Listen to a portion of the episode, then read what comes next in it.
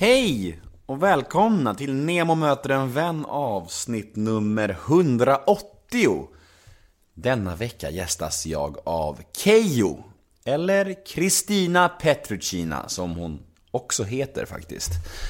Och ja, Keyyo är ju, eh, man kan säga att hon är en mångsysslare. Eh, radiopratare, tv-profil, youtuber, instagramstjärna, alltså det allt kan man säga, allt i ett. Och hon syns lite överallt just nu och eh, ja, man kunde se henne i Talang nyss. Hon har även haft en fast eh, plats i morgonpasset och ja, jag och Keyyo satte oss ner och pratade om hennes liv och hon var en väldigt, väldigt älskvärd människa. Man gillade henne omgående. Hon var varm, fin och eh, hon har en fin historia, en lång historia. Hon kom från eh, flyttade hit från Ryssland när hon var väldigt ung. Så det är en gripande och väldigt speciell historia som eh, jag hoppas ni kommer gilla också. För jag tyckte det var väldigt, väldigt härligt att träffa Keyyo. Hon är, ja, en bra tjej. En begåvad tjej. Väldigt underhållande. Mm, jag heter Nemo Hedén på Twitter och Instagram, men eh, de kontona används endast i jobbsyfte just nu, som ni vet. Så där är inga mer privata grejer. Om ni vill ha lite privata Nemo-grejer får ni vänta på min bok som släpps i slutet på oktober. Ja, vill ni skriva något fint om min podd på sociala medier så kan, vi, kan ni använda hashtaggen NEMOMÖTER. Och ni får gärna gå in på Facebook och gilla vår sida där. Nemo möter en vän heter vi där. Har ni några frågor eller önskemål gällande podden eller min stundande bok eller mina föreläsningar eller vad som helst. Skicka det till gmail.com och ja, min hemsida är ju www.nemohedén.se men detta har jag, har jag nämnt tusen gånger nu och ni kan nog säkert det här vid det här laget. Eh, ja, var det något mer? Jo, podden. Den presenteras ju precis som vanligt av Radioplay och klipps av den fantastiska Daniel Eggemannen Ekberg. Men nog om mig. Dags för Nemo möter en vän avsnitt 180. Gäst Kejo Rulla gingen. Nemo är en kändis, den största som vi har. Nu ska han snacka med en kändis och göra honom glad. Yeah! Det är Nemo är en kändis, den största som vi har. Nu ska han snacka med en kändis och göra honom glad. Yeah! Äh, nej, det var okej. Vad skulle du säga? Okej, jag vet inte vad jag skulle säga. Okej, nu är fokus på det här. Ja, nej vi kör igång. Nemo möter en vän med Keyyo. Ja. Hej! Hej! Hur är läget? Det är bra Nemo, hur är det själv? Jo men det är bra tack. Eh, Katarina Petrucina. Katarina? Katarina! Förlåt, förlåt, förlåt. Det här börjar jätte, jättebra, vad i helvete? Jag vet det! Det var auto, auto, jag lovar att jag vet det, jag lovar att jag vet det. Ja. Hörde inte du efternamnet jag sa rätt där? Jo, men jag fokuserar väl på att förnamnet var helt fel. Jag kommer klippa det där bara så du vet. Jag kommer skämmas så mycket. Har du skrivit Katarina på Nej jag har inte det. Får jag se? Nej jag, jag, jag har inte det. Nej fy fan. Du vet i början av allt när allt drog igång så blev jag omnämnd som Katarina i typ fyra tidningar. Är det sant? Ja, Ja. Och jag vet Fan, vad inte precis, jag skäms jättemycket, jag brukar aldrig göra sånt här. Gud vad jag skäms på riktigt, kan vi om det här? ja kör då, kör. Eller så tar jag med det bara för kul skull, det är rätt kul också. Men det är ändå kul såhär, nu ska jag ta in lite nya, nya sh- gammal, influencers. gammal gubbe liksom, försöker vara down med kidsen och bara såhär äh, Det blir som en sån här arrogant eh, P1-gubbe som bara säger fel folk. Ja, Nej fan. Kristina Petrucina. Ja, hej. Vad var efternamnet rätt? Petrucina? Ja, Petrushina. Petrucina. Ja, det är ganska kul att, för att det känns som att fler och fler använder just mitt riktiga namn nu för tiden. Mm. Vilket alltså, känns roligt. Mm. Men alltså när man, när man, eh, du, det känns som att du själv också varierar lite vart du är, att du ibland presenterar dig som eh, Kristina och Mm. ibland som Keyyo liksom. Ja, men jag tror att jag gör det för att Öh, Alltså jag har ju, jag har ju skämt så jätte, jättelänge för mitt riktiga namn. Varför? Eh, Varför? För att det låter så annorlunda, det är svårstavat, det är svåruttalat. Det finns inte en dag som någon frågar, okej uttalar det här rätt, stavar jag det här rätt? Mm. Och då kände jag, men då är det väl mycket bättre att komma på en artist, ett artistnamn, som Mm. då var Keyyo. Eh, och det gick väl några år, och sen så insåg jag väl att, nej men det är väl lite så här, jag ska ändå, att ha ett riktigt namn är väl ingenting att skämmas för. Nej. Eh, så det har varit så här lite ett sätt att arbeta med sig själv på, att använda mitt riktiga namn mer och mer. Mm. Men var kommer Keyyo ifrån då? Men jag hade jättelivlig fantasi när jag var liten. Mm. Jag ville ju vara, jag ville ju slå igenom som en rappare. Jag ville ju... Det är lite rapnamn, Keyyo. Ja, KO. Ja. Eh, grejen är att det finns en jättekänd del, jättekänd, enligt honom själv så är han ganska känd i USA. DJ Keyyo och så finns det ett telefonbolag i Frankrike som heter Keyyo. Mm. Så jag har haft kontakt med båda och de var liksom så här, bara, ah, vi ska ta patent på det, vi ska ta patent på det. Så jag är ändå såhär, ja men det är ändå ganska bra namn och det finns flera Du har ju varit med i Fångarna på fortet, eller hur? Ja. jag vet, men det kommer en följdfråga som är rimlig just här. Ja. Eh, Gunde Svan, hans första sidekick där, det här är Ja. länge sedan nu, alltså det är Ja. säkert 15 år sedan, hette Kajo faktiskt. Ja, Ja, det vet du eller? ja. Ja. Det var det, första gången jag såg ditt namn, jag bara, vad fan är det här? Vem? Keyyo, Kajo, mm. Jag är liksom såhär superfan av Kajo så jag vill Ja, ta efter och föra fan, generna trött, vidare. alltså. Åh, det här är Kajo Junior. Nej precis. men det är många som har missförstått det. Ja, är det? Jag hade ingen aning om vad Kajo var förrän, alltså ganska nyligen. Förrän nu? Nej. Nej förrän nu, nej men för att det är, ja men kul ändå. Men eh, Keyyo, ah, jag vet inte, alltså det var ju, som sagt jag ville ju slå igenom som rappare, försökte och försökte skicka in bidrag till Lilla Melodifestivalen under artistnamnet Keyyo. Ingenting kom med. Alltså att ha jättebra självförtroende Nemo i kombo med noll självinsikt, det funkar inte så bra. Nej. Eh, så att, ah.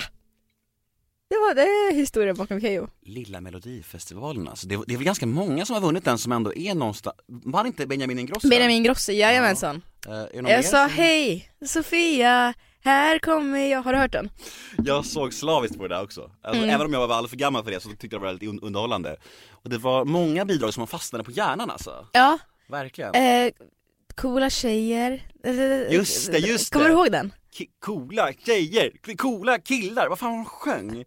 Vi, vi är skolans tusen för killar. Du, det, är. Exakt, exakt, Exakt. Men det var mycket sådana låtar om, eh, jag skrev en låt, jag kände mig som livets stalker, skrev kanske fem låtar om en och samma kille som heter Erik Erik du är så himla snygg, Erik med dig så är jag trygg, Erik du är så Fan, himla alltså. snäll och söt Erik. Erik. Ja ja ja, alltså Erik är ju förlovad idag och har väntat barn, alltså det är ju, vem är den desperata här? Visst var väl Bubbles med också? Den här Regnbågens barn, regnbågens barn Okej det minns jag inte, Du ser ut som ett frågetecken, ja.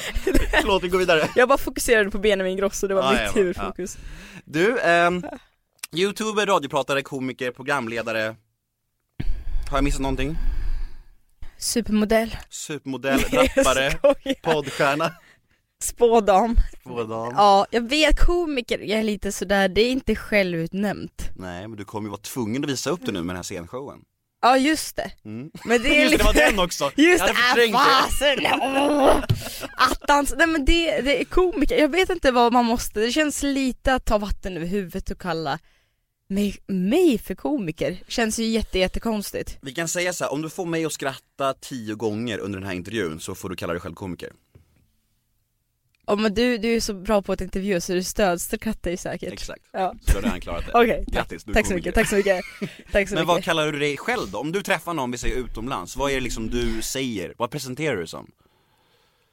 Oh, jag Youtube star! I'm a youtube star, nej men jag vet det faktiskt, jag, jag, eh, jag skulle säga, alltså i och med att jag ändå har pratat, eller pratar i morgonpasset som är då en radiokanal och så leder eh, Talang och sådär, så skulle jag ändå säga programledare just nu Men det, är fan, det är ändå rätt kaxigt att säga det. Alltså, Eller men jag det, vet, det men känns, Jag tycker du gör rätt som säger det, men det, det är en tung titel att säga. Ja jag Du är vet, programledare, ja. Jag vet, det känns lite sådär, är jag det?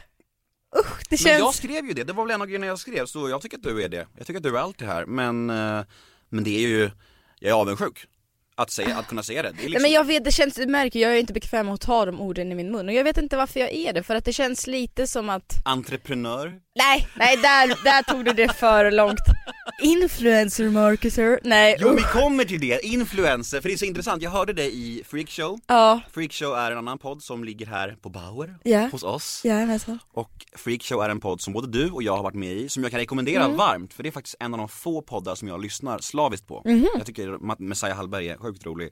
Och eh, du var med där, Ja, och då pratade du med lite, lite förakt om att kallas influencer mm, att Vad- jag kallas Ja, influencer du var lite så här, lite avsmak på det ordet och så här, du inte riktigt ville vara det Ja, Vad, kan du utveckla? Nej men för att jag skulle inte säga att jag definierar mig själv som influencer. Sen så hade jag tyvärr inget bra svar på varför, men det känns bara för mig inte som mitt arbetsområde. När jag håller på med så många andra grejer så känns det bara fel att bli, för att för mig så kopplar jag ihop influencers med reklam tror jag. Mm. Eh, och med, eh, med snygga bilder på Instagram och att göra ett snyggt feed och det är ingenting som liksom har legat mig intresse att göra det. Eh, sen tycker jag det är skitcoolt att det finns så pass engagerade människor som gör det och liksom lägger ner sin tid på det men det känns bara Nej men det känns inte som min kopp av te. Vem är Sveriges tydligaste influencer? Bianca Ingrosso. Mm. Eller ja, Bianca Ingrosso skulle jag säga och eh, det finns ju men, folk som har tagit liksom branded content till Mm. sociala medier. Du är inte sån att du, när du liksom lägger upp någonting på Instagram, det är inte så att du tänker efter då så här, att det måste passa in i feeden Nej, och så här. nej, Nej. Alltså nej, varje bild får max ta fem minuter annars är det liksom slöseri av tid. Du skrattar, men det roliga är att jag, jag har kompisar med liksom 120 följare som säger att de måste ta, alltså lägga in en bild som passar in i liksom mönstret av tidigare bilder Men det orkar man ju inte med, vem orkar kolla på det? Jag förstår inte. Nej men det, alltså, min, min vän menar att det ska passa in ramar så ska det vara rosor som går in i varandra, nej. Alltså släng upp en kul bild och sen kanske någon rolig caption på det, bang, klart. Sandra, jag älskar dig men lyssna på Keyyo, du måste chilla med planeringen av bilder på Instagram Ja, det finns så mycket andra saker som är mer värt att lägga ner sin tid på. Absolut, jag håller Ja. helt med I alla fall för min del som sagt. Mm. Tror jag. Hur ser dagarna ut just nu? Vad, vad gör du om dagarna? Mm, just nu är jag inne i en ganska stressig period av Mm. mitt liv, i mitt liv. Eh, det är, det är, alltså det, just nu är det inspelningar med bland annat Na- Talang som har varit. Eh, och det är, ja men intervjuer, och poddar och förberedelser inför showen. Mm. Och lite, ja men så här, gig och föreställningar här och Mm. var. Hur väljer du ut vad du ställer upp på? Eh, Du var hos Freakshow, Messiah och du är här med mig Mm. Ställer du upp på nästan allt eller är det så, hur tänker du när du väljer ut? Nej, nej. Alltså det, det enda som jag tycker så här direkt när jag läser bara själva premissen av ett program eller eh, en inbjudan och jag känner direkt, gud vad kul, det här vill jag vara med på. Mm. Då tackar jag ja. Mm. Det, jag skulle inte säga att det är, nej men det är långt ifrån allt. Mm. Eh, saker som jag genuint tycker är roliga, sen saker som att Åh det här ska jag vara med på för att det ger bra status eller publicitet, det har aldrig liksom så här fallit mig om, alltså, om det skulle vara en podd med, ja, med låt oss säga typ 10 lyssnare men har en jättebra koncept Mm. Då alltså det, alltså jag tycker jag låter kul Rysspodden Rysspodden! I'm up for it! mm. och prata. Nej men det känns, nej men alltså det som känns roligt och det är väl det som är lite sådär för det är så mycket i det här, det är därför jag har så lite svårt att säga, att, att, alltså att att, säga att jag jobbar med det här för att jag, jag tycker så mycket är så kul Mm. och jag ser det som en hobby ibland vilket Mm. jag tror är absolut en fördel men också en väldigt stor nackdel har jag märkt. Mm. För när man gör så mycket som är så roligt så kan man ibland ta på sig vatten över huvudet. Vilket det känns som att jag har gjort väldigt mycket nu på senaste tiden. Ehm, Så du är noll strategisk med det där? Alltså du tänker liksom inte, du tänker inte så här, fan det kanske är bra att vara hos Nemo för det är nog en helt eh, ny målgrupp lyssnare, då kan jag snacka om showen, du tänker inte alls så alltså? Ja men Alltså det är klart att jag har liksom människor som är runt mig och hjälper lite och sådär men här är det bra om du är hos Malou Mm.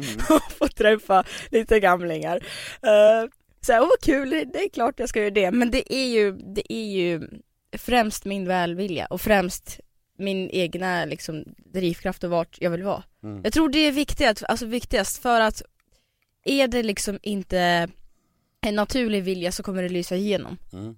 och vart man vill vara och inte vara Mm. Och det, Men tror jag, verkligen inte på stämmer. Det är nog samma när man intervjuar människor, att om man, om, om man ska träffa folk som man inte har någon, något intresse för så är det väldigt svårt att fejka Ja det det lyser igenom väldigt, väldigt mycket Ja, verkligen. Jag har försökt att, att ha med folk i podden här som jag inte känner att jag är så himla nyfiken på. Bara för att andra har rekommenderat dem väldigt mycket. Då blir det, jag tycker att det hörs skillnad. Jag tycker Alltså, att det... Det är därför du tar med mig för att få in massa 16-åringar till podden Nej, jag tar in Nej. dig av flera anledningar. Eh, dels för att jag vet att du är en helt ny målgrupp och dels för att jag, tyck, jag, har, jag tycker att du är jävligt rolig. Jag har sett lite talang och jag tycker att eh, jag har träffat dig här. Du är väldigt sympatisk på den, här, på den här poddträffen. Och sen så har jag sett olika klipp på, på Instagram och jag tycker att du Alltså jag, är, jag har varit väldigt fördomsfull mot den världen du kommer ifrån. Jag, jag, är, jag måste erkänna det, jag har varit såhär, och jag, jag vill helst intervjua människor som har ett långt liv bakom sig och som vi var inne på innan, det här med Dramatens skådisar. Just det. Men jag tänker att om jag ska begränsa mig, då, då, då är det bara mig själv det skadar i längden. Om jag ska bara ha en viss sorts människor. Och då tänkte jag så här, vilka, vilka två människor tycker jag är roligast och mest begåvade från den här nya generationen eh, kändisar?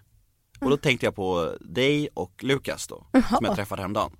Men gud tack. Ja, Det var väldigt snällt jag sagt. tycker det. Jag tycker att Det du var en annorlunda komplimang, det var Ja, väldigt men- väldigt fint. Ja men, ja, ja, ja men det är faktiskt sant. Eh, jag har inte frågat någon annan influencer eller youtuber eller vad man nu ska kalla det. Det var dig och Lukas jag frågade och ni ville vara med och det var ju kul. Så, så nu är jag inne på en helt ny bana här. Ja men jag tror att det är en bra bana för att jag tror att tider förändras just nu. Om man bara ser liksom på de senaste åren då har ju melodifestivalen tagits över mer och mer. Clara Henry har liksom gått från youtube till att leda Sveriges största tv-program. Eh, vi har ju så supermånga som bara liksom tar över, 90-talister som tar över tv-världen. Eh, och jag tror att det är liksom värt att inte lägga locket på för det är, man ser också extremt många samarbeten just liksom äldre dramatiskådisar som dras till liksom den nya generationens youtubers och som vill hitta ett samarbete. Jag tror ändå att det är det är bra åt liksom båda hållen att låta de där världarna mötas. Verkligen, och vill man ha eh, den maximala bredd så, så är det ju bara bra att blanda hej vilt. Jag tänker Mm. så här, vad fan, artister, skådespelare, sportstjärnor, gamlingar, unga. Det är väl liksom bara intressant. Få Ja. alla olika aspekter av, av samma offentlighet som vi ändå Mm. alla är en del av liksom. Jag tycker bara det är spännande och jag, jag måste säga att jag fick verkligen mer smak av att träffa Lukas och jag känner redan nu med dig att det här kan bli jävligt trevligt liksom. Trots att du äter pucko och Äter pucko! äter pucko och dricker banan. Nu har du spårat totalt. Men jag är ju så, jag tänkte att jag förbättrar inte min egen bild av en millennial när jag kommer in här, håll i banan i ena handen, en pucko i andra handen och Ja. en Pokémon Go i foten liksom. Exakt, Det- och, så, och så sa du så att du aldrig hade sett en superhjältefilm. Du bara Spiderman, vad är det för något? Man bara, Nej men det mm. är ju, det är ju ett av mina liksom största, en av mina största nackdelar. Det är att jag är otroligt dålig på film.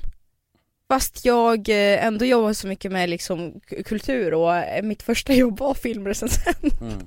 Så har jag liksom så här, nämn, nämn film som man absolut måste se. La La Land. Och så tar du en film som jag faktiskt har sett, det är ganska sjukt. Men alltså så här, alla så här klassiker, Sagan om Grease. ringen, Grease, nej. Men nu, men så här, gr, gr, vad heter det? Eh, Sagan om ringen, alla superhjältefilmer. Kungen av Tylösand. Ja, Det har jag inte sett, det, har- det hoppade jag hedrar dig. faktiskt. Det hedrar dig Keyyo. Ja, men jag känner att jag har mycket kvar att lära. Ja men det är bra. Det är, du är ung, du är ändå ödmjuk, framgångsrik och ödmjuk. Jag har mycket kvar att lära. Jag har mycket kvar att lära. Okej, så du är fullt upp nu med, med intervjuer och inspelningar och, och faderullan. Men vad gör du då helst av allt? Om du får en dag off, Mm. allt på schemat ställs in, vad gör du då? Jag sover. Hela dagen? Ja. Nej men allvarligt, jag, jag skämtar inte nu, jag känner att det var, det var så himla länge sedan jag inte hade en väckarklocka på. Alltså det vore så skönt att bara sova ut. Hur länge sover du om du får sova ut? Eh, Men det blir ju till senast tio ändå. Eh, och bara sova ut och kanske beställa hämtmat och inte ställa mig och laga mat. Jag älskar att laga mat men det är ibland, alltså när man har jobbat jättelänge och ställa sig och laga mat, det blir liksom varenda litet måste känns ju. Mm. Eh, så att eh, bara liksom, kanske sätta på Sex and the City. Mm.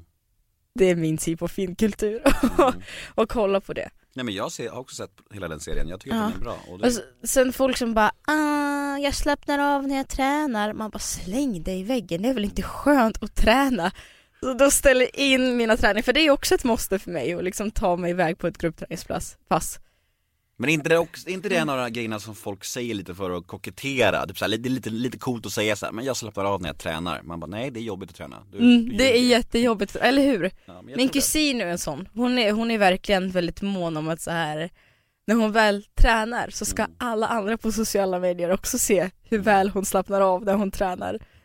Jag älskar dig Bella, men det är också, det är också en selfie på sig själv, åh jag njuter just nu, man bara, hur kan man njuta på ett löpband? Det där är nya, man, så fort man pratar om en annan människa så måste man eller, eller så här, sa- safea upp och be om ursäkt så här, om Nu är Sandra och Bella som lyssnar på det här. Ja, Sandra och Bella, vi ber om ursäkt, vi älskar er, Ja. men så här är det, nu är det hårda bud Exakt. Ja. Okej, men, men ta mig tillbaka då till, Mm. eh, Darin-låten, ta mig, Mig tillbaka. Den är väldigt fin. Ja, Vi tycker om Darin. Ehm, Darin, du får gärna komma hit någon gång om du hör det här. men han är, han är, ja där inne är bra. Darin är bra eh, och eh, han har varit på G hit, men han, han eh, vill bara prata musik. Han, ingenting annat. Och, och mina intervjuer är väldigt svåra om man bara ska snacka om det man gör. För mina intervjuer är så heltäckande liksom. Ja. Så vi har inte lyckats mötas i det, men, men vi kanske kommer på någon kom- kompromiss någon dag. Men det vore härligt, för jag älskar Darin och han är fantastisk. Eh, men ta mig tillbaka till, eh, Darin och Gina Dirawi skulle vara Sveriges radarpar. som vad? Som ett par. Och vara ihop? Ja, Jaha. Gina sjunger ju också väldigt bra. eller hur? Ja. Men vad gör Gina nu? Hon har gjort Idol. Ja. Och hon tar väl det kanske lite lugnt, det förtjänar hon. Ja det tycker jag. Ja. Annars går hon in i väggen. Mm. Det ska vi inte göra. Okej, vi provar. Tredje gången gillt nu då. Ta mig tillbaka till barndomen. Ta mig tillbaka till Ryssland. Till kylan. Till bleka människor.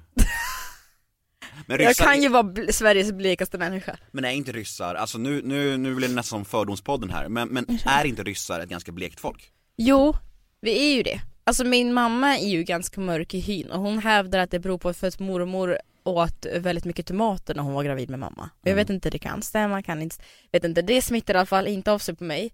Jag är ju dränkt i brunt sol. Så- Nu? Ja. Ja, okej. Och ändå, Jag säger ingenting, säger ingenting sagt. exakt! ja nu är jag det och det syns inte.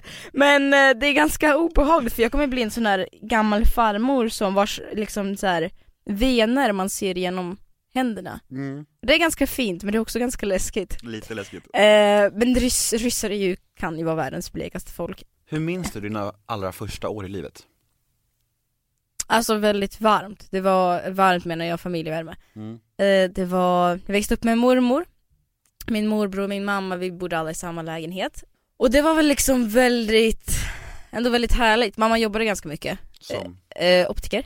Mhm. Eh, och så mormor eh, stannade hemma med mig. Eh, och jag fick jättebra uppfostran. Alltså jag Mm. ångrar verkligen ingenting. Vart i Ryssland var det någonstans? Omsk, det ligger i Sibirien. Ja. Eh, Svinkallt. Ja, men också jätte, jättevarmt på somrarna. Mhm. Jag överväger att åka till mormor nu till sommaren och jag känner såhär, nej nej gud, juli kan inte jag åka i för då blir det för varmt. Det är på den nivån. Eh, så jag saknar ju ändå väldigt mycket att det är inte det här mellansvenska vädret. Utan det är kallt, det är liksom härligt och det, det var, ibland så var det så pass kallt att man ställde in skolorna liksom, det var verkligen Norrlands Mm. kyla. Nej men det var, det var härligt och jag känner mig alltid såhär, jag var ju ensamma barnet som växte upp eh, i min familj så det var ändå Jag var ju aldrig bortskämd eh, men jag fick liksom lära mig att kämpa och jobba för det jag ville ha men jag Mm. blev, fick all, alltid tillräckligt med kärlek Min mamma och mormor gav mig så mycket kärlek som jag bara önskade Mm. eh, Hur var de, hur var de som, som, eh, som människor liksom, under uppväxten? Var de liksom så här stränga eller var det lösa tyglar eller?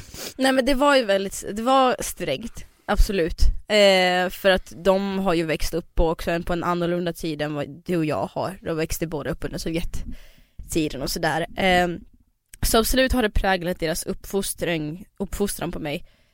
Men det var också så himla, som jag sa tidigare, så himla mycket kärlek och så himla mycket, ja men, omtanke och jag har liksom, det har inte gått en dag som jag inte känt mig uppskattad. Eller s- även när vi har liksom när jag och min mamma vi har tjafsat mycket genom tiden och sådär och när vi har liksom tjafsat och gått och lagt oss osams och sådär så har jag ändå känt att så här, det här är världens bästa mamma. Jag vet inte, jag, jag tror att vi har fått, i och med vår flytt också så har vi fått superstark relation när vi Mm. flyttade till Sverige.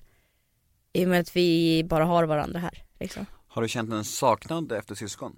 Ja, gud ja. Har du några syskon? Fem. Hur är det då? Nej, Jag tror att jag känner tvärtom mot dig antar jag, eftersom att det är Alltså att ha mycket syskon är ju en mardröm när man, eh, när man växer upp. För jag, Mm. jag kan ju säga så här, jag fick ju aldrig någonting. Jag önskade mig liksom till exempel ja, ett tv-spel eh, under hela min uppväxt, varje julafton och Mm. varje födelsedag. Men fick det aldrig för att vi hade inga pengar och det var bara kaos Nej. liksom. Eh, Men i vuxen ålder så är det ju fantastiskt. Ja, nu, exakt. nu liksom, nu har jag fem syskon och fem familjer liksom. Och för min dotter är det ju magiskt, massa Mm. kusiner och så här. Exakt, för det är lite den aspekten som jag känner fast tvärtom. För att när jag var liten så tyckte jag det var så skönt. jag hade ingen att ta hänsyn till och eh, även om som sagt jag önskade mig saker och som sagt jag var inte bortskämd utan jag fick väldigt, jag önskade mig en kamera super super länge som jag ville filma filmer med. Och så fick jag gå och sälja jultidningar för att få det. Det var ju aldrig som att jag fick någonting serverat trots att jag som sagt ändå har känt mig som mammas liksom första prio. Men nu på äldre dag så känner jag, alltså det som jag tror att man har blivit minst förberedd på när man börjar bli vuxen i vuxen ålder är liksom inte alla räkningar och är inte alla jobb eller relationer. Det är att liksom se sin förälder åldras och förstå att den här personen kommer inte att vara för evigt vid min sida. Och det är ganska läskigt, särskilt med tanke på att man inte har syskon. Eh, för att liksom, ja, mina barn kommer kanske inte ha en morbror eller moster.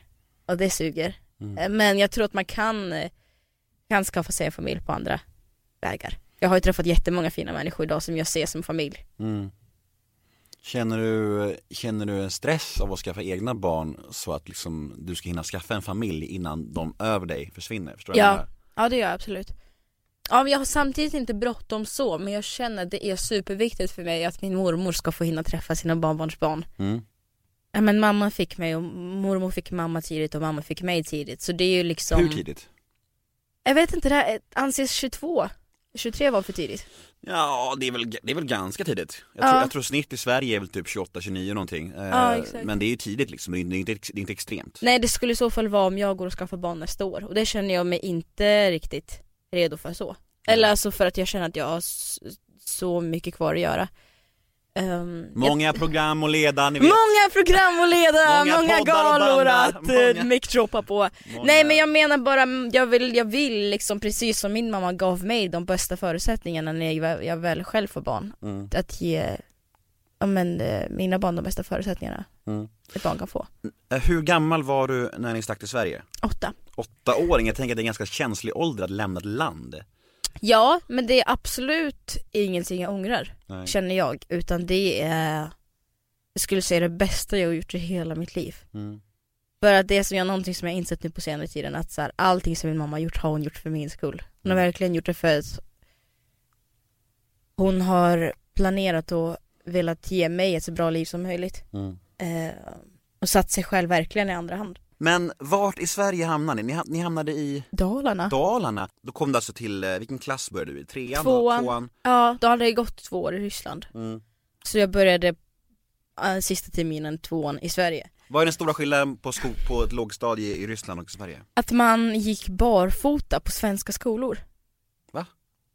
Gör man det? Ja, Aha. lågstadieskola i alla fall. Det var helt sinnes. Mm. Det var helt tappat för mig. Och sen att alla hade ju såna här små handdukar med varsitt namn på. Att maten var gratis. Skolmaten var gratis. Det var helt, helt otroligt. Men och, i Ryssland så betalade man för det eller? Ja, Men vad, hur är det att komma som en eh, åttaårig rysk flicka till, eh, till en skola i Dalarna? jag älskar att du fick så här daldialekt när du sa Dalarna. Mm. Det var lite så. Jag tänkte på Gustav Norén, han är därifrån. Vet, vet vem det är nu? Ja, ja det vet jag. Bra! Han har jag intervjuat och han pratade så i två, i två och en halv timme. Gud vad härligt, jag saknar min dal, eh, Men slå daldialekt. på den då! Dalarna! Ja, välkommen till Dalarna, till Smedbacken! Ja, vad roligt! Rysk, Eh, rysk dalmål. Det Ja. var väl, alltså det är ju så här, även om jag bara gick i ryska skolan i två och ett halvt år så får mig ändå minnen, jag minns extremt mycket som barn. Mm. Allt från hur jag smakade läsk för första gången till liksom till eh, varenda högtid och jag var en av de, skäms jag lite för att säga, men jag var lite av den populära tjejen i Ryssland. Ah, det är Eh, klart du var! ja, det är klart jag var, ja, liksom. ja. Det är väl ingen stor sak? Ja, jag var populär, Jag var populär, låt mig vara det. Nej Ja. men och sen så liksom så, så var det två timmars flygresa bort till Stockholm, till Sverige och några ti- timmars bilresa till Dalarna och sen så var det liksom som en värld helt upp och nervänd. Det var, Är att, det bara två timmar från Ja. Sibirien till Sve- Sverige? ja, eller två Aha. timmar mellan Moskva och det är ganska Aha. bra weekendstad. Ja, Eh, men ja, det var tack. liksom, dock ett helvete att komma in i landet men det är en annan femma. Ja. Eh, Det berättar jag i showen. Exakt. Men det var liksom, det var, det, det vändes ju helt upp och ner. Mm. Från att liksom vilja, från att vara den tjejen som liksom alla ville leka med och alla ville hänga med till att vara den som folk undvek och eh, folk ansåg konstiga kläder på sig och eh, liksom fick kläder liksom slängda i sopkorgen och som pågick under flera års tid. Det var jättekonstigt, det var jätte, jättemärkligt. Hur var folk då? Var, var det mobbing skulle du kalla det? Eller hur betedde sig människor mot dig? För du, ja, du stack väl ut ganska mycket kan jag tänka mig? Ja men ändå så gjorde jag inte det. Det var ju, jag hade ju ändå, jag har ju, ser ju ganska etnisk svensk ut och jag har ju ett svenskt förnamn. Eh, så det känns också fel att kalla det mobbing men jag, alltså från att ha berättat det för folk så är det väl det man sätter väl etikett på det för. Men det är, det är liksom, det finns så många som har haft det så mycket värre än mig. Mm. Och då känns det bara fel att kalla sig att jag har varit, åh jätteutsatt. Men det är ändå, alltså som sagt trots att jag hade de förutsättningarna så var jag en av de första invandrarna i byn. Mm. Eh, vilket stack lite i folks ögon, antar Mm. jag. Och det var väl liksom allt från, men så här, främst var väl det att det var sociala koder som man inte riktigt behärskade. Eh, allt från det här med mattanten till eh, hur man betedde sig och sådär. Som inte jag riktigt visste om. Mm. Hur lång tid tog det innan du fattade vad folk sa? Alltså det här med språket ju, måste vara en jättestor grej. Ja, Hur lång tid tog det innan du fattade och kunde börja snacka svenska? det gick ganska snabbt, det tog ett halvår ungefär. Eh, men Hade det du var... tolk tills dess? Nej. Varför du gick bara runt och inte fattade någonting? Mm, men jag försökte lära mig själv lite på Disney Channel och sådär. Ja. Eh, men det var ju fortfarande, det var ju lite så här. eh, det var ju lite pest eller kolera situation för att om någon nu var elak mot mig och liksom sa så här, åh du ser ut som skit. Eller alltså, eh, jag kunde ju, i och med att jag hade pondus som liten, så kunde jag ju när jag väl lärde mig svenska svara något tillbaka. Men jag kände att jag inte ville göra det för att jag hade ingenting riktigt att vinna på det. För att jag upplevde redan så pass mycket saker som det var och om jag nu skulle sticka ut hakan på det så skulle det verkligen inte gynna mig. Så jag var Mm. oftast väldigt tyst. Och det är ju också så här, man, det, har jag, det jag har lärt mig mest med det är så här hur pass mycket en personlighet präglas av språk. Båda våra personligheter gråzonades bort på något sätt. Mm. För att man inte kunde uttrycka känslor eller tankar eller idéer. Du vet ju själv bara, det finns ju jättemånga svenskar inklusive mig som bara man är i London liksom inte kan hantera liksom och fråga var Subway-stationen är någonstans. Mm. Och så blev det ju i ett helt nytt land. Mm. Ja, jag fattar, det måste vara knepigt.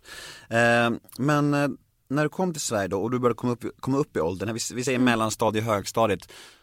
Vad tänkte du om livet? Vad var liksom planerna? Vad hade du för drömmar och mål och Ja men jag ville ju så här, jag trodde ju aldrig på ett yrke Det var ju bara ett clowneri Ansåg jag. Jag har ju skrivit en roast-låt till mig själv Mhm. en gång som jag laddade upp på youtube Men det, och så kommer jag ihåg att det var en vers som gick eh, Du fick 320 poäng i slutbetyg, vad ska du med dina A? Bara släng dina intyg Släng iväg din skolgång på att bara leka clown Bitch you just got roasted and you're going down Alltså lite så Mm. för att jag trodde inte på att, eh, men, att man kan kombinera en bra skolgång med att bli komiker eller programledare. Jag trodde inte på att det fanns för jag trodde att så här, du måste antingen känna någon eller vara jätterik eller bo i Stockholm vilket var ingen av sakerna som vi hade. And look at you now!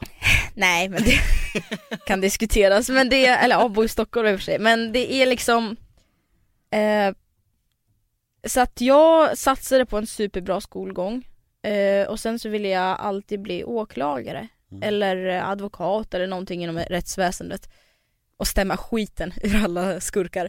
Eh, och sen så, alltså jag slutade inte med videobloggande eller sketchandet som jag höll på med men jag gjorde det lite i smyg för dels var det väldigt pinsamt och dels så kände jag så här, jag vill inte att jag har alltid levt efter så här, jag vill inte att folk ska se mig försöka utan när de väl ser så är det ett slutresultat. Mm. Men hur gammal var du när du började med det då? Runt 10-11. 10-11 år, då började du filma dig själv när du gjorde liksom vardagliga grejer bara liksom. Mm. ja. Eller, nej, alltså det var mycket mer sketcher, det var Mm.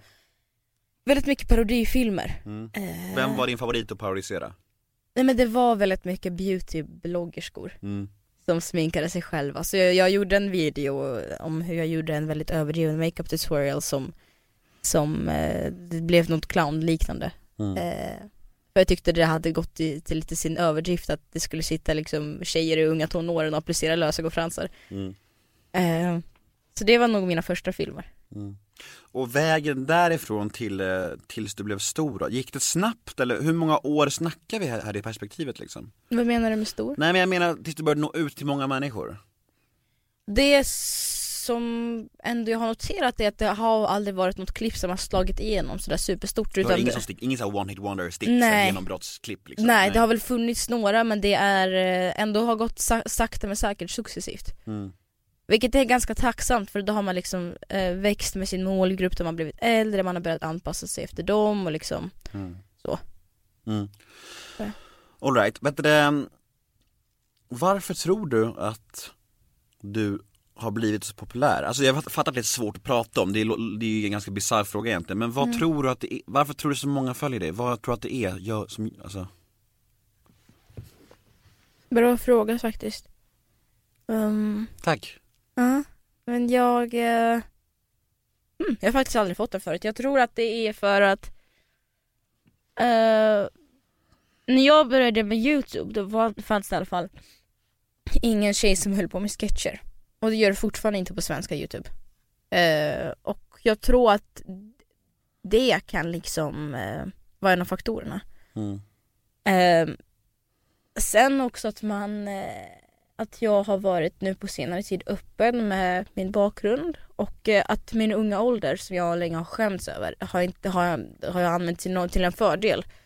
Till att istället kolla här vad man kan liksom, man kan lyckas trots att man eh, eh, är liksom ganska ung. Istället för att liksom så här, sätta käppar i hjulet för dig.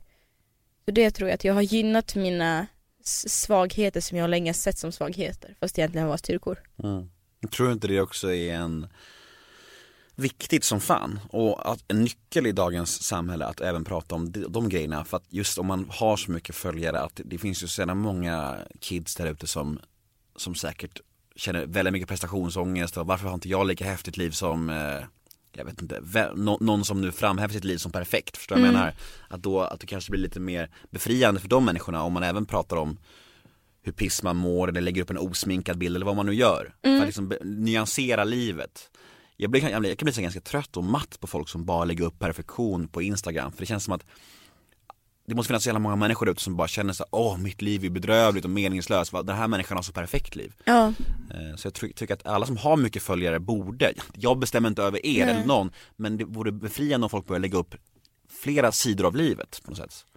det är intressant att du säger så för att ibland så har jag um, alltså, blickat på mitt flöde och bara men gud nu har det kommit upp typ tre bilder när jag har löshår och fin galaklänning. Det här är för fan inte jag! Sluta! Och då känner jag men då kan jag kompensera det med att jag står och dansar i, i, liksom i mitt badrum. Men så här då, nu har det ju kommit extremt många människor som man ser som inspiratörer. Som till exempel Isabella Löwengrip, också känd som Blondinbella. Hur ser du på liksom det? Att hon, hon är en sån som laddar upp väldigt mycket success och väldigt mycket framgångscontent. Eh, känner du att du blir stressad av sånt innehåll eller att du blir inspirerad? Nej men alltså när jag säger så här så pratar jag inte utifrån mig. Jag vet Nej. ju att folk har eh, Allas liv ser ju nästan likadana ut in the end liksom. Även hur, hur lyckat liv man än har så mår man piss ibland också. Så är det ju. Eh, Just när det bara gäller Blondinbella då, eller Isabella Löwengrip så har jag nyligen hört en intervju med henne att det hon lägger upp är ju nästan Alltså nästan allt är ju väldigt strategiskt. Alltså hon vill få en, eh, en, en dialog med sina följare, att, att folk ska uppröras. Många, alltså hon vill att folk ska bli arga också. Så att det blir en kommunikation mellan lyssnare som, eller följare som liksom hyllar henne och blir arga på henne. Så hon, hon bara har liksom levande. Så där tror jag att det är väldigt mycket liksom strategi. Ja. Eh, men absolut, jag, jag, jag, jag, kan, jag kan känna så här att det det jag bara söker är lite mer nyans i det hela. Jag förstår, jag förstår det helt och hållet. Jag, har, jag backar dig fullt ut. Men jag är lite så här, det jag har känt i en balansgång för att jag vill både, det är så många, framförallt unga tjejer och killar, lite yngre än mig som hör av sig och bara, kan också vara äldre än mig, som hör av sig och säger shit vad inspirerande att du som har tagit dig och svenska ditt andra språk och du är så ung och du står nu och gör liksom Talang med en av Sveriges mest ruttade programledare på liksom bästa sändningstid har de skrivit så här. Det är ingenting som jag hittar på nu utan jag har fått ett sånt meddelande ganska nyligen. Och jag känner att, ja, och då känner jag mig så glad att då kan mitt innehåll inspirera och liksom ge mycket girl power och liksom så här, shit kolla. Och det är väl lite där, att det är, jag kan också få meddelandet som att gud jag blir så stressad av att, att jobba så mycket. Mm. Ja, det, det är en jättesvår balansgång känner jag. Och en av de största utmaningarna som jag märkt framförallt senaste året. Välkommen till Däckteam! Nya däck. Oh. här! Rätt däck! Och där! Snyggt! Ha! Ja! Där satt den! Easy peasy! Välj testvinnande däck från Continental i sommar, för säkerhets skull. Däckteam, vet vilka däck du behöver. Med Tres tilläggstjänst Tre Världen Företag blir business enklare när du reser. Mejla från strand i Thailand. Eller videokonferens från USA. Med tjänsten kan ditt företag surfa och ringa i 80 länder. Välkommen till Tre Företag.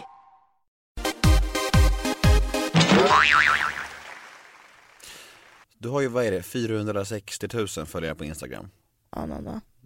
Är det, kan du ens greppa det för det första? Det är typ så här halva Stockholm. Nej, alltså jag fattar inte riktigt. Jag fattar inte att det är så många. Mm. Och Nej, att det är liksom varför man följer. Det känns jättekonstigt. Tycker du att det är svårt att, att hitta balansen emellan vad du vill lämna ut och inte? Alltså att, att du ändå pratar om det här att du så gärna vill vara, eller om det här med att vara förebild och inspirera och nyansera livet, visa alla delar. Mm. Kan du känna ibland så här, åh fan alltså, det här kan jag lägga, är det här för personligt? Är det ofta den balansgången du, Ja, alltså en, så här vi pratade tidigare du och jag om, om strategi, alltså Mm. medverka i olika saker och inte. En strategi som jag dock följer är att vara personlig och våga bjuda på mig själv men inte vara för privat. Mm. Och jag känner att redan nu att när vi har gått eh, innan den här intervjun att det här är- kan vara en av de mest privata intervjuerna som jag har gjort. Mm. Eh, vilket är, är meningen. nyttigt, vilket är nyttigt för mig kanske, men för att Instagram är en sån sak då jag känner att jag gärna när man ska liksom gå in eller mina sociala medier överlag eller när jag är i mitt yrke, att man ska liksom få ett grepp på vilken personlighet jag har och liksom såhär, ja just det, det är hon. Men jag känner inte att det är obligatoriskt att bara för att jag jobbar med det jag gör så behöver jag vara privat och dela med mig av vissa saker som inte jag är bekväm att dela med mig av. Nej, då kan man ju hellre vänta på sådana områden där man känner sig bekväm.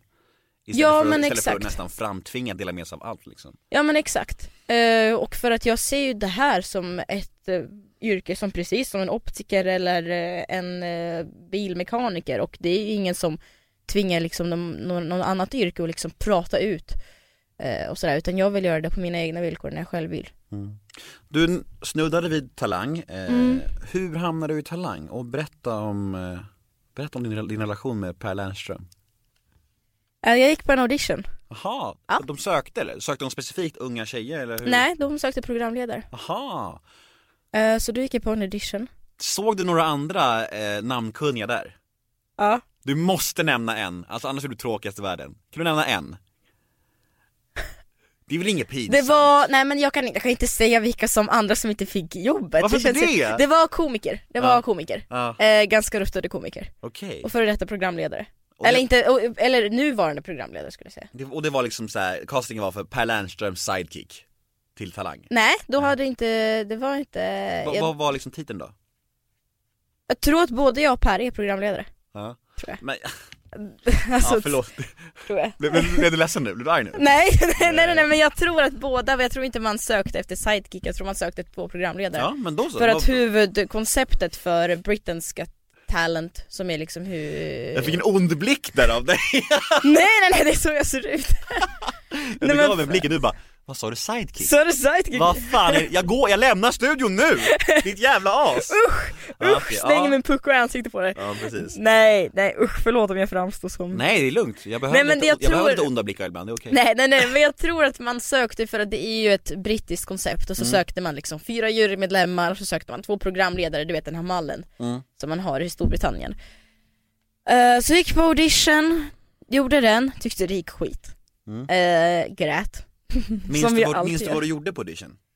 Eh, Var det så- var- ja, var var- fick reagera lite så här som, som vi gör Ja, i auditionprogram, fick reagera lite så här. Va- Alltså det, det är en ganska tacksam programledaruppgift för att det bygger ju inte särskilt mycket på manus Nej. utan det är verkligen på våra personligheter. Eh, och eh, sen så fick jag, blev jag uppringd några veckor senare, de bara tja, vill du göra det här? Och jag bara ah kul! Fan vad fett. Ja, det blev för då var jag också på väg att ta studenten. Och det kändes så skönt. Från att ha varit ganska vilsen och inte vet vad man ska göra efter studenten.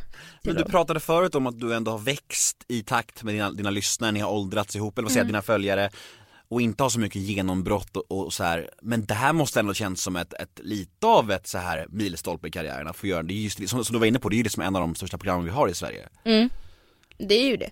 Lite ett Eh. kvitto på att fan, jag kanske är i den här branschen för att stanna på allvar liksom. Ja men faktiskt, eller så, men, men nej alltså det, det så kände jag inte för att jag kände väl att jag, jag kan snarare inte ta det här på liksom eh, Hjälp mig.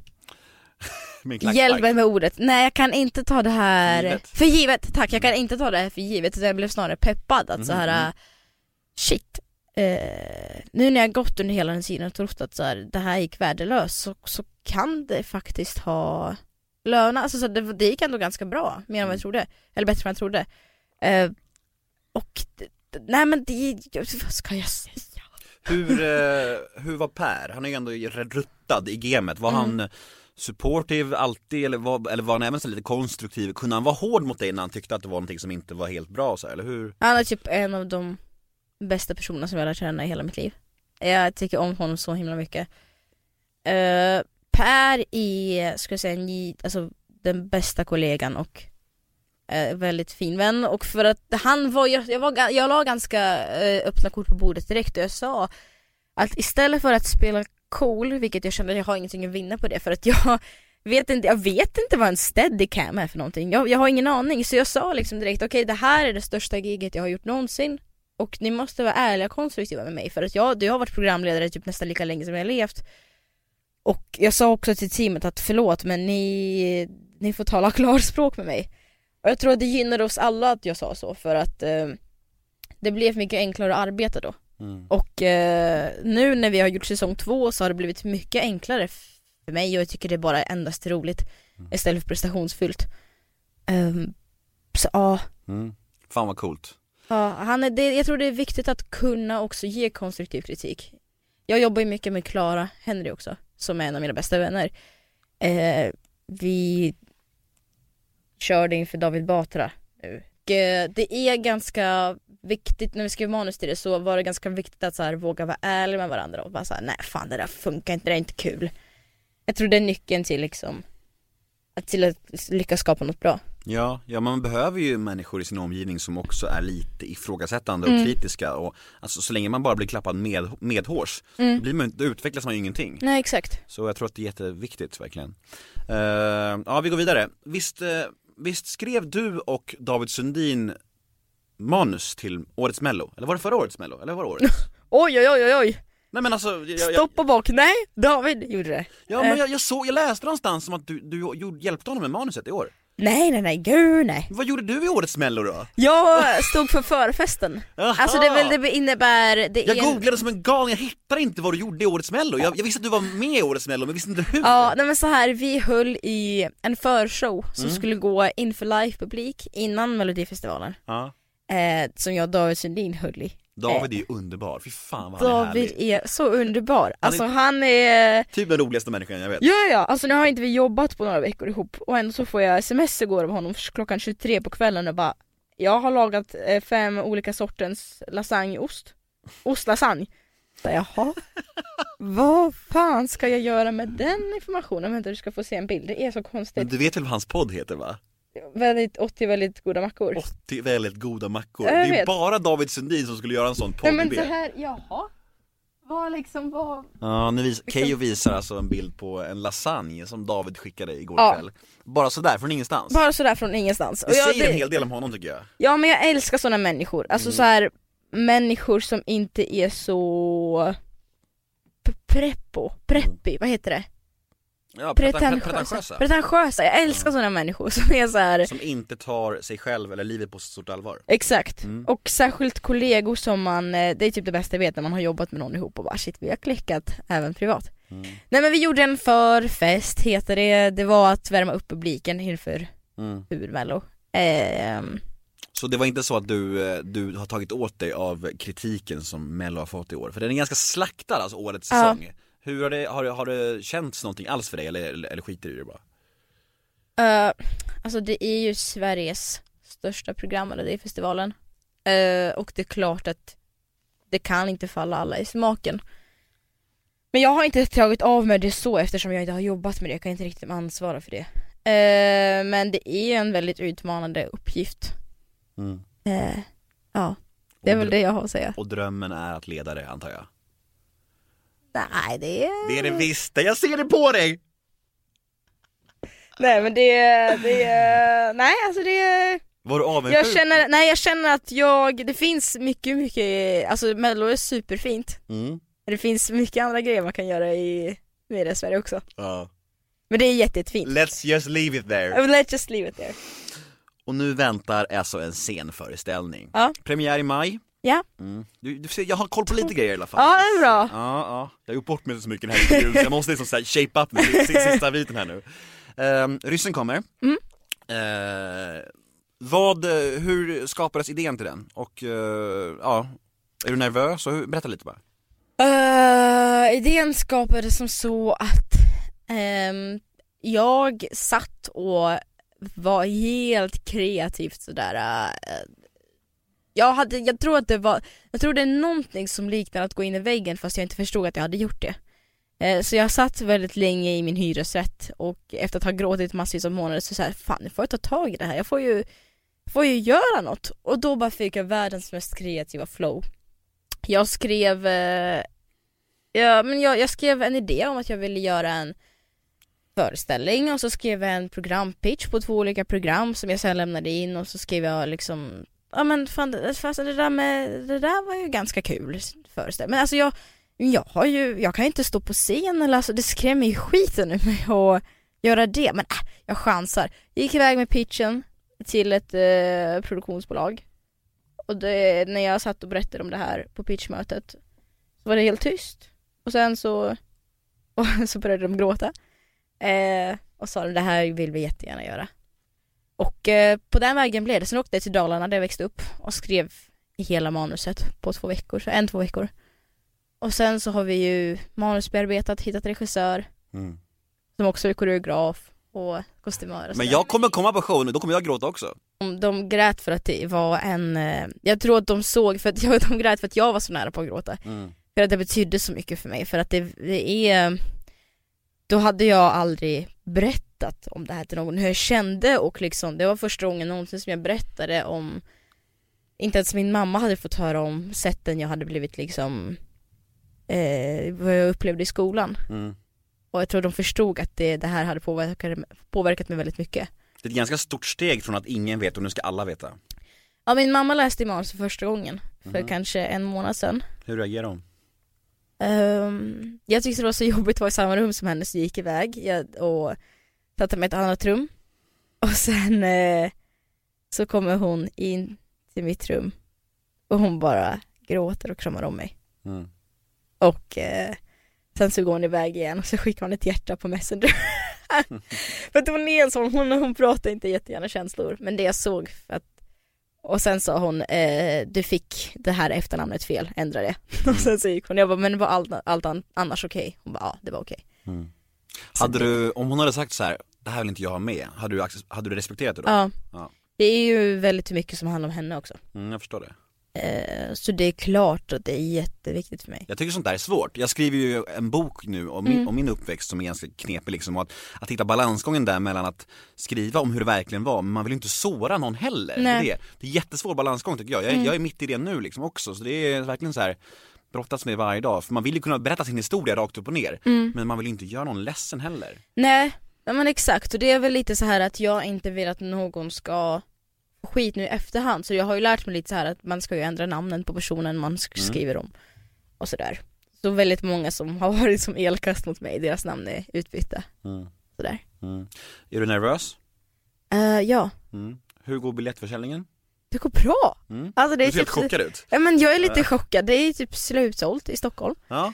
Eh, och sen är det Göteborg och Växjö och Eskilstuna och Västerås, det är ju Sverige-turné så Mm. det känns jätteroligt. Vart finns biljetter om man vill handla? Om man vill köpa? Blixten.se Blixten.se. När kommer det här ut? Eh, jag tänkte släppa det om några veckor, så jag tänkte att kanske, ja, innan premiären i alla fall.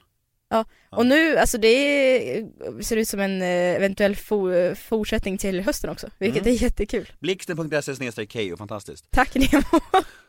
Vad gullig du är. Ja vad fan. Jag, tar allt jag kan få.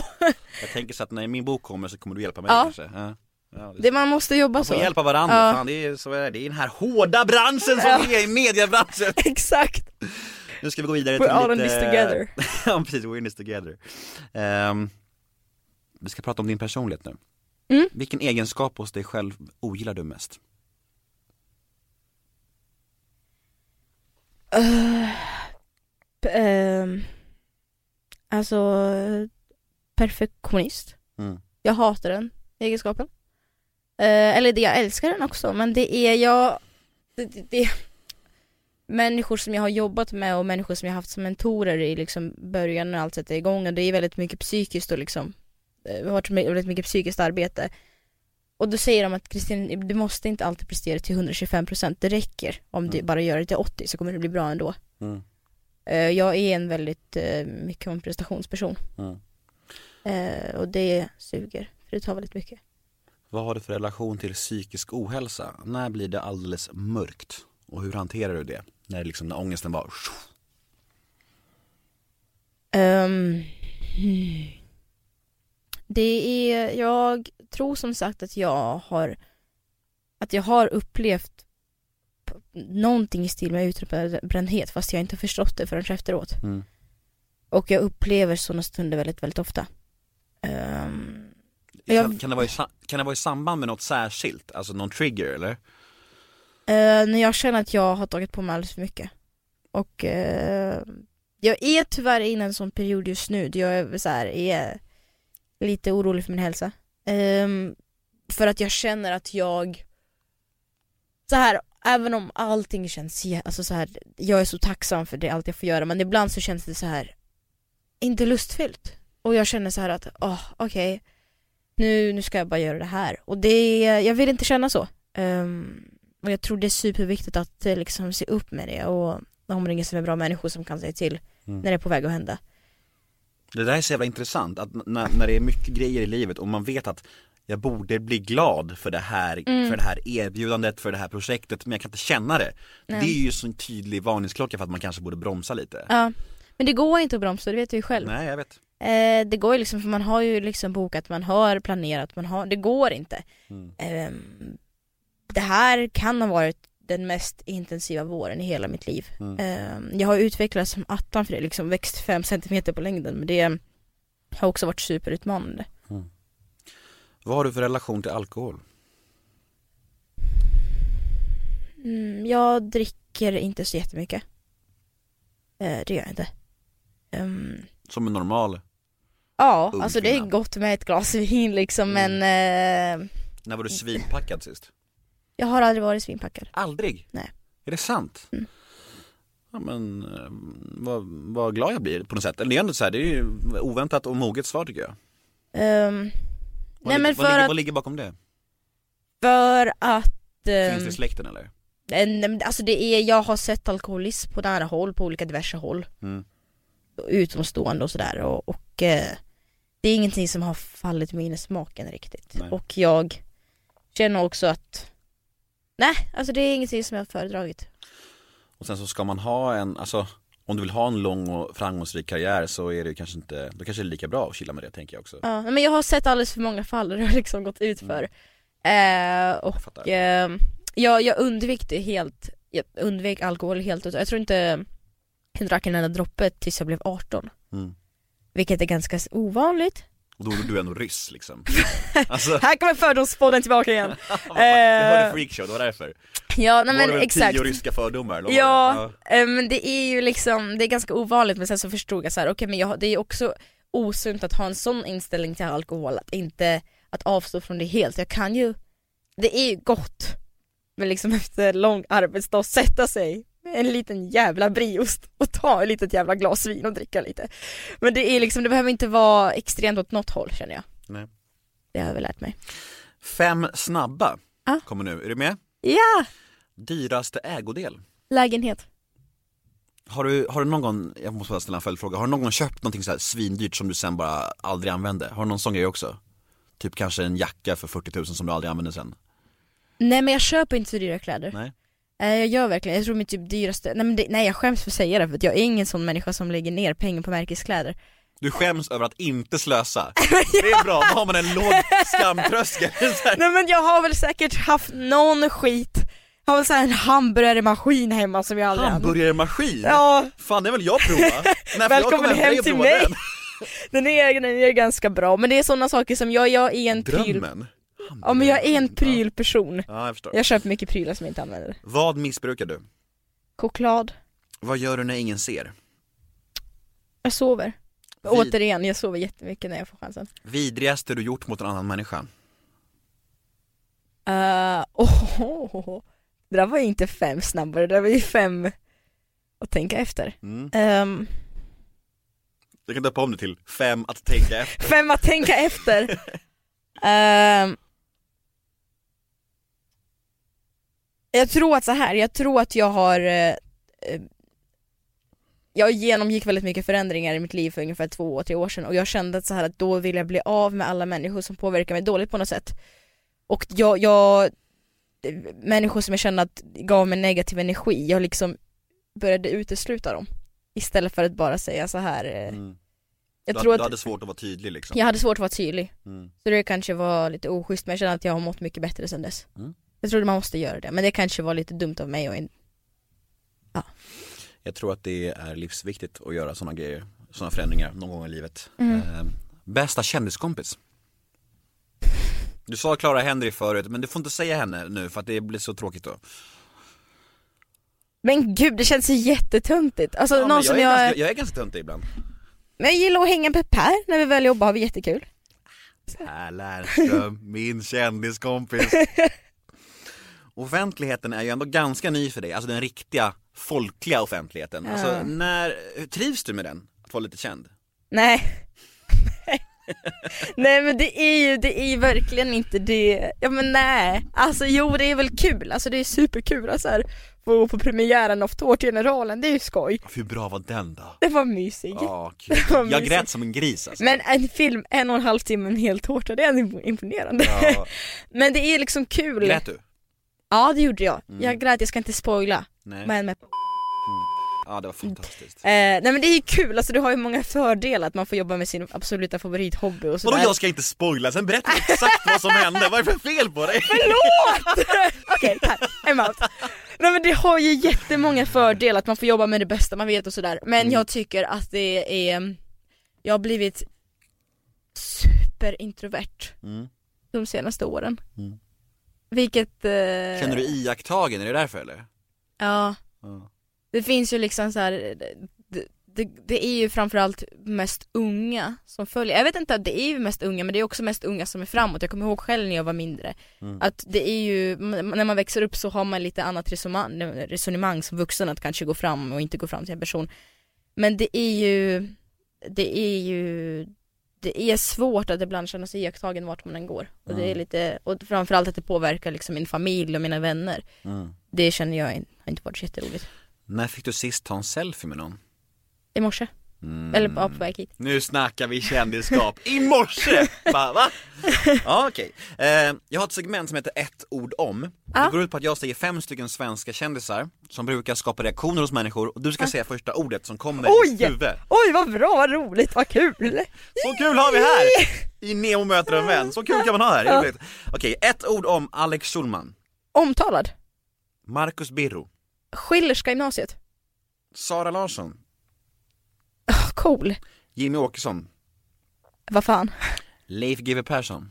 TV4, han bytte ju dit Precis. i dagarna så jag bara, det jag kopplade direkt. Hur mycket pengar tror du han fick för det? Så mycket! Alltså Alltså det är så många som byter till TV4 nu, allt från Gina Drave till Petra Mede till Leif GW Persson. Det är så kul för man ser i tidningarna så här, ja Leif GWs chockbyte från SVT till TV4 Och alla som har minsta insyn i den här branschen vet att han måste ha fått så otroligt mycket pengar. Ja. Och att det bara handlar om pengar såklart Men det var så kul för när jag läste det, eh, då stod det så här att så här, eh, Leif GW Persson gör sitt sista program ikväll! Mm. och lämnar SVT ikväll. Där snackar vi bra och snabba beslut. Verkligen. Avslutningsvis så ska vi damma, damma av sju stycken eh, Sju stycken lyssnarbrev, lyssnarmail. Okej. Lyssnarbrev, det låter som att jag har en, så här, en brevlåda här. Så här. Lyssna på det. det vore Brevduvan, brevduvan kom med sju Vad ska du döpa brevduvan till? Eh, Åke. Per Lernström. Okej, nummer ett. Hej Keyyo, hur är det med självförtroendet och självkänslan? Kan du inte berätta lite om hur du ser på sånt? Och gärna om hur du ser på bekräftelse. Ehm, har länge haft en period i mitt liv då jag söker bekräftelse och har försökt få bekräftelse. Sen har jag väl insett på, s- på sista tiden att det betyder inte ett piss. Eh, klart det är bra att eh, liksom klart det det är skönt att ibland få ett liksom klapp på axeln men det är absolut inte det det handlar om för att är inte självförtroende på plats så spelar inte bekräftelsen alls roll. Eh, och det är väl det som jag har märkt att liksom att, eh, eller att, att självkänslan och att jag har eh, blivit mer och mer introvert i takt allting som allting har hänt. Och eh, det finner jag ganska intressant för att alla tror att liksom så här offentlighet och bättre självförtroende går hand i hand. Vilket så inte fallet, i alla fall inte för mig. Bryr du dig mycket om vad folk säger om dig? Alltså du vet kritik eller, eller om folk säger dumma saker på sociala medier Alltså, alltså går det in i dig eller, eller rinner det bara av dig?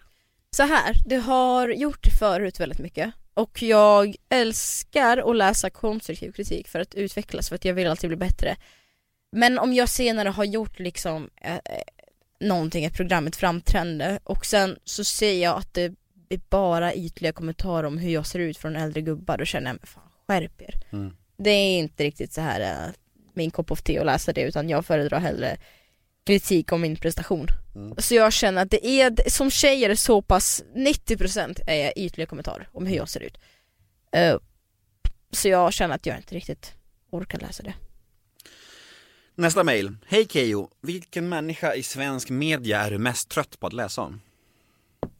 Mm. Gud vad svårt. jag har ju skrivit den frågan själv säkert. vad, vad skulle jag bry mig om det för? Du vill bara luska ut något bra svar. Tycker Men... du att det är jobb, det är ju inget, det är inget personligt mot den, du tycker inte illa om människan, du bara tycker att det skrivs för mycket om den Mm, nej men så här, jag har, ah, när jag tänker efter Jag tycker inte det skrivs så mycket så men jag har bara genom, efter att ha pratat med Bianca, Ingrosso och Ingrosso-familjen att det är liksom varenda lilla grej de gör blir en rubrik. Mm. Och det kan jag tycka, om, om jag som knappt har någonting tycker att redan det, att det är på förresten, så ska jag förstå hur de känner det. För det är en, minst en gång om dagen läser man ju någonting om Wahlgren Ingrosso-familjen Ja och just Bianca, alltså det är ju familjen i allmänhet men Bianca i synnerhet, alltså det är ju något, något hysteriskt just nu. Alltså ah, varenda steg hon tar blir någonting på, alltså det måste vara ganska sjukt att vara henne just nu tänker jag. Det är som att hon pikar just nu också, otroligt alltså. Nästa mail. Jag har, funderat, jag har funderat ut en kul fråga om, ja, oklart. Om du skulle swisha ner mot maxbelopp just nu, hur, skulle, hur, skulle, hur mycket skulle du då kunna swisha honom? Alltså jag tror frågan är menar så här, hur mycket pengar har du ungefär? På kontot, Ja. just nu? Mm. Just nu på kontot så det är, det Om du är... skulle max swisha mig just nu? Om Max swishar mig just nu Mm. Alltså just nu på kontot så har jag 5000 Men du har väl något sparkonto, har du inte det? uh, Jag har länsat det för att jag har köpt en lägenhet precis Aha. Eh, Så just Vart? nu har, kan jag bara swisha dig 5000 kronor som jag har på kontot Just Okej, nu ja. är jag snuspank. Men det du vet, det- att köpa lägenhet är kul Vart i Stockholm har du köpt den? Vilken del? Kungsholmen Ja men vad fan, då går det ju bra Det är ju fint, Kungsholmen är underbart Hej Keyyo, är du singel? Om så, vad söker du i sådana fall i en kille? Jag kan säga så här. Jag dras till humoristiska, varma, härliga killar Mm.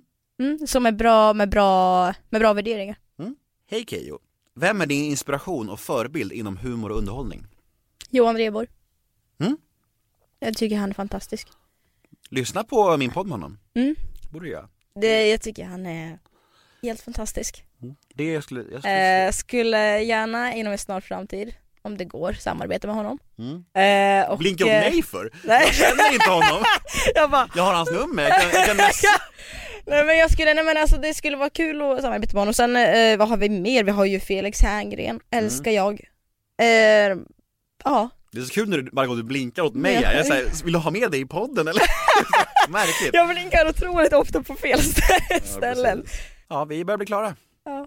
Premiär för Ryssen kommer är 12 maj. 12 maj, biljetter finns på blixten.se Keyyo. Eh, Du finns ju överallt annars, Instagram, alltså, du finns på alla sociala medier. Musically finns jag inte på. Det är den nya. Jag räknas ju som andra generationens, eh, eh, om man nu ska kalla det för komiker, nu har det kommit ännu yngre. Mm. Folk som är 10, 11, 12 år och håller på med Musically. Ja fy fan. Fattar det du? Om du- Om dig du alltså. ser mig som ung, alltså folk som, eh, folk som är födda efter 00 ser mig som svingammal för att jag är född på 90-talet. Du är 10 år yngre än mig. Och eh, när du föddes, det året du föddes, då var jag med i Småstjärnorna. Ja, du har varit på Småstjärnorna. Varför sa du inte direkt i början av intervjun? Nej, nej men vi kan, vi, kan prata, vi kan prata om det nu. Eh, jag var Beatles med tre kompisar. Vet du vilka Beatles är? Kul. Ja, vi avslutar. Tack Nemo, tack! Puss och kram! Jag heter Nemo Hedén överallt och följ Keyyo överallt, hon är fantastisk och gå på hennes föreställning i Stockholm. Ni kommer träffa mig där och Keyyo där och vi säger stort tack till Keyyo. Tack! Hej då!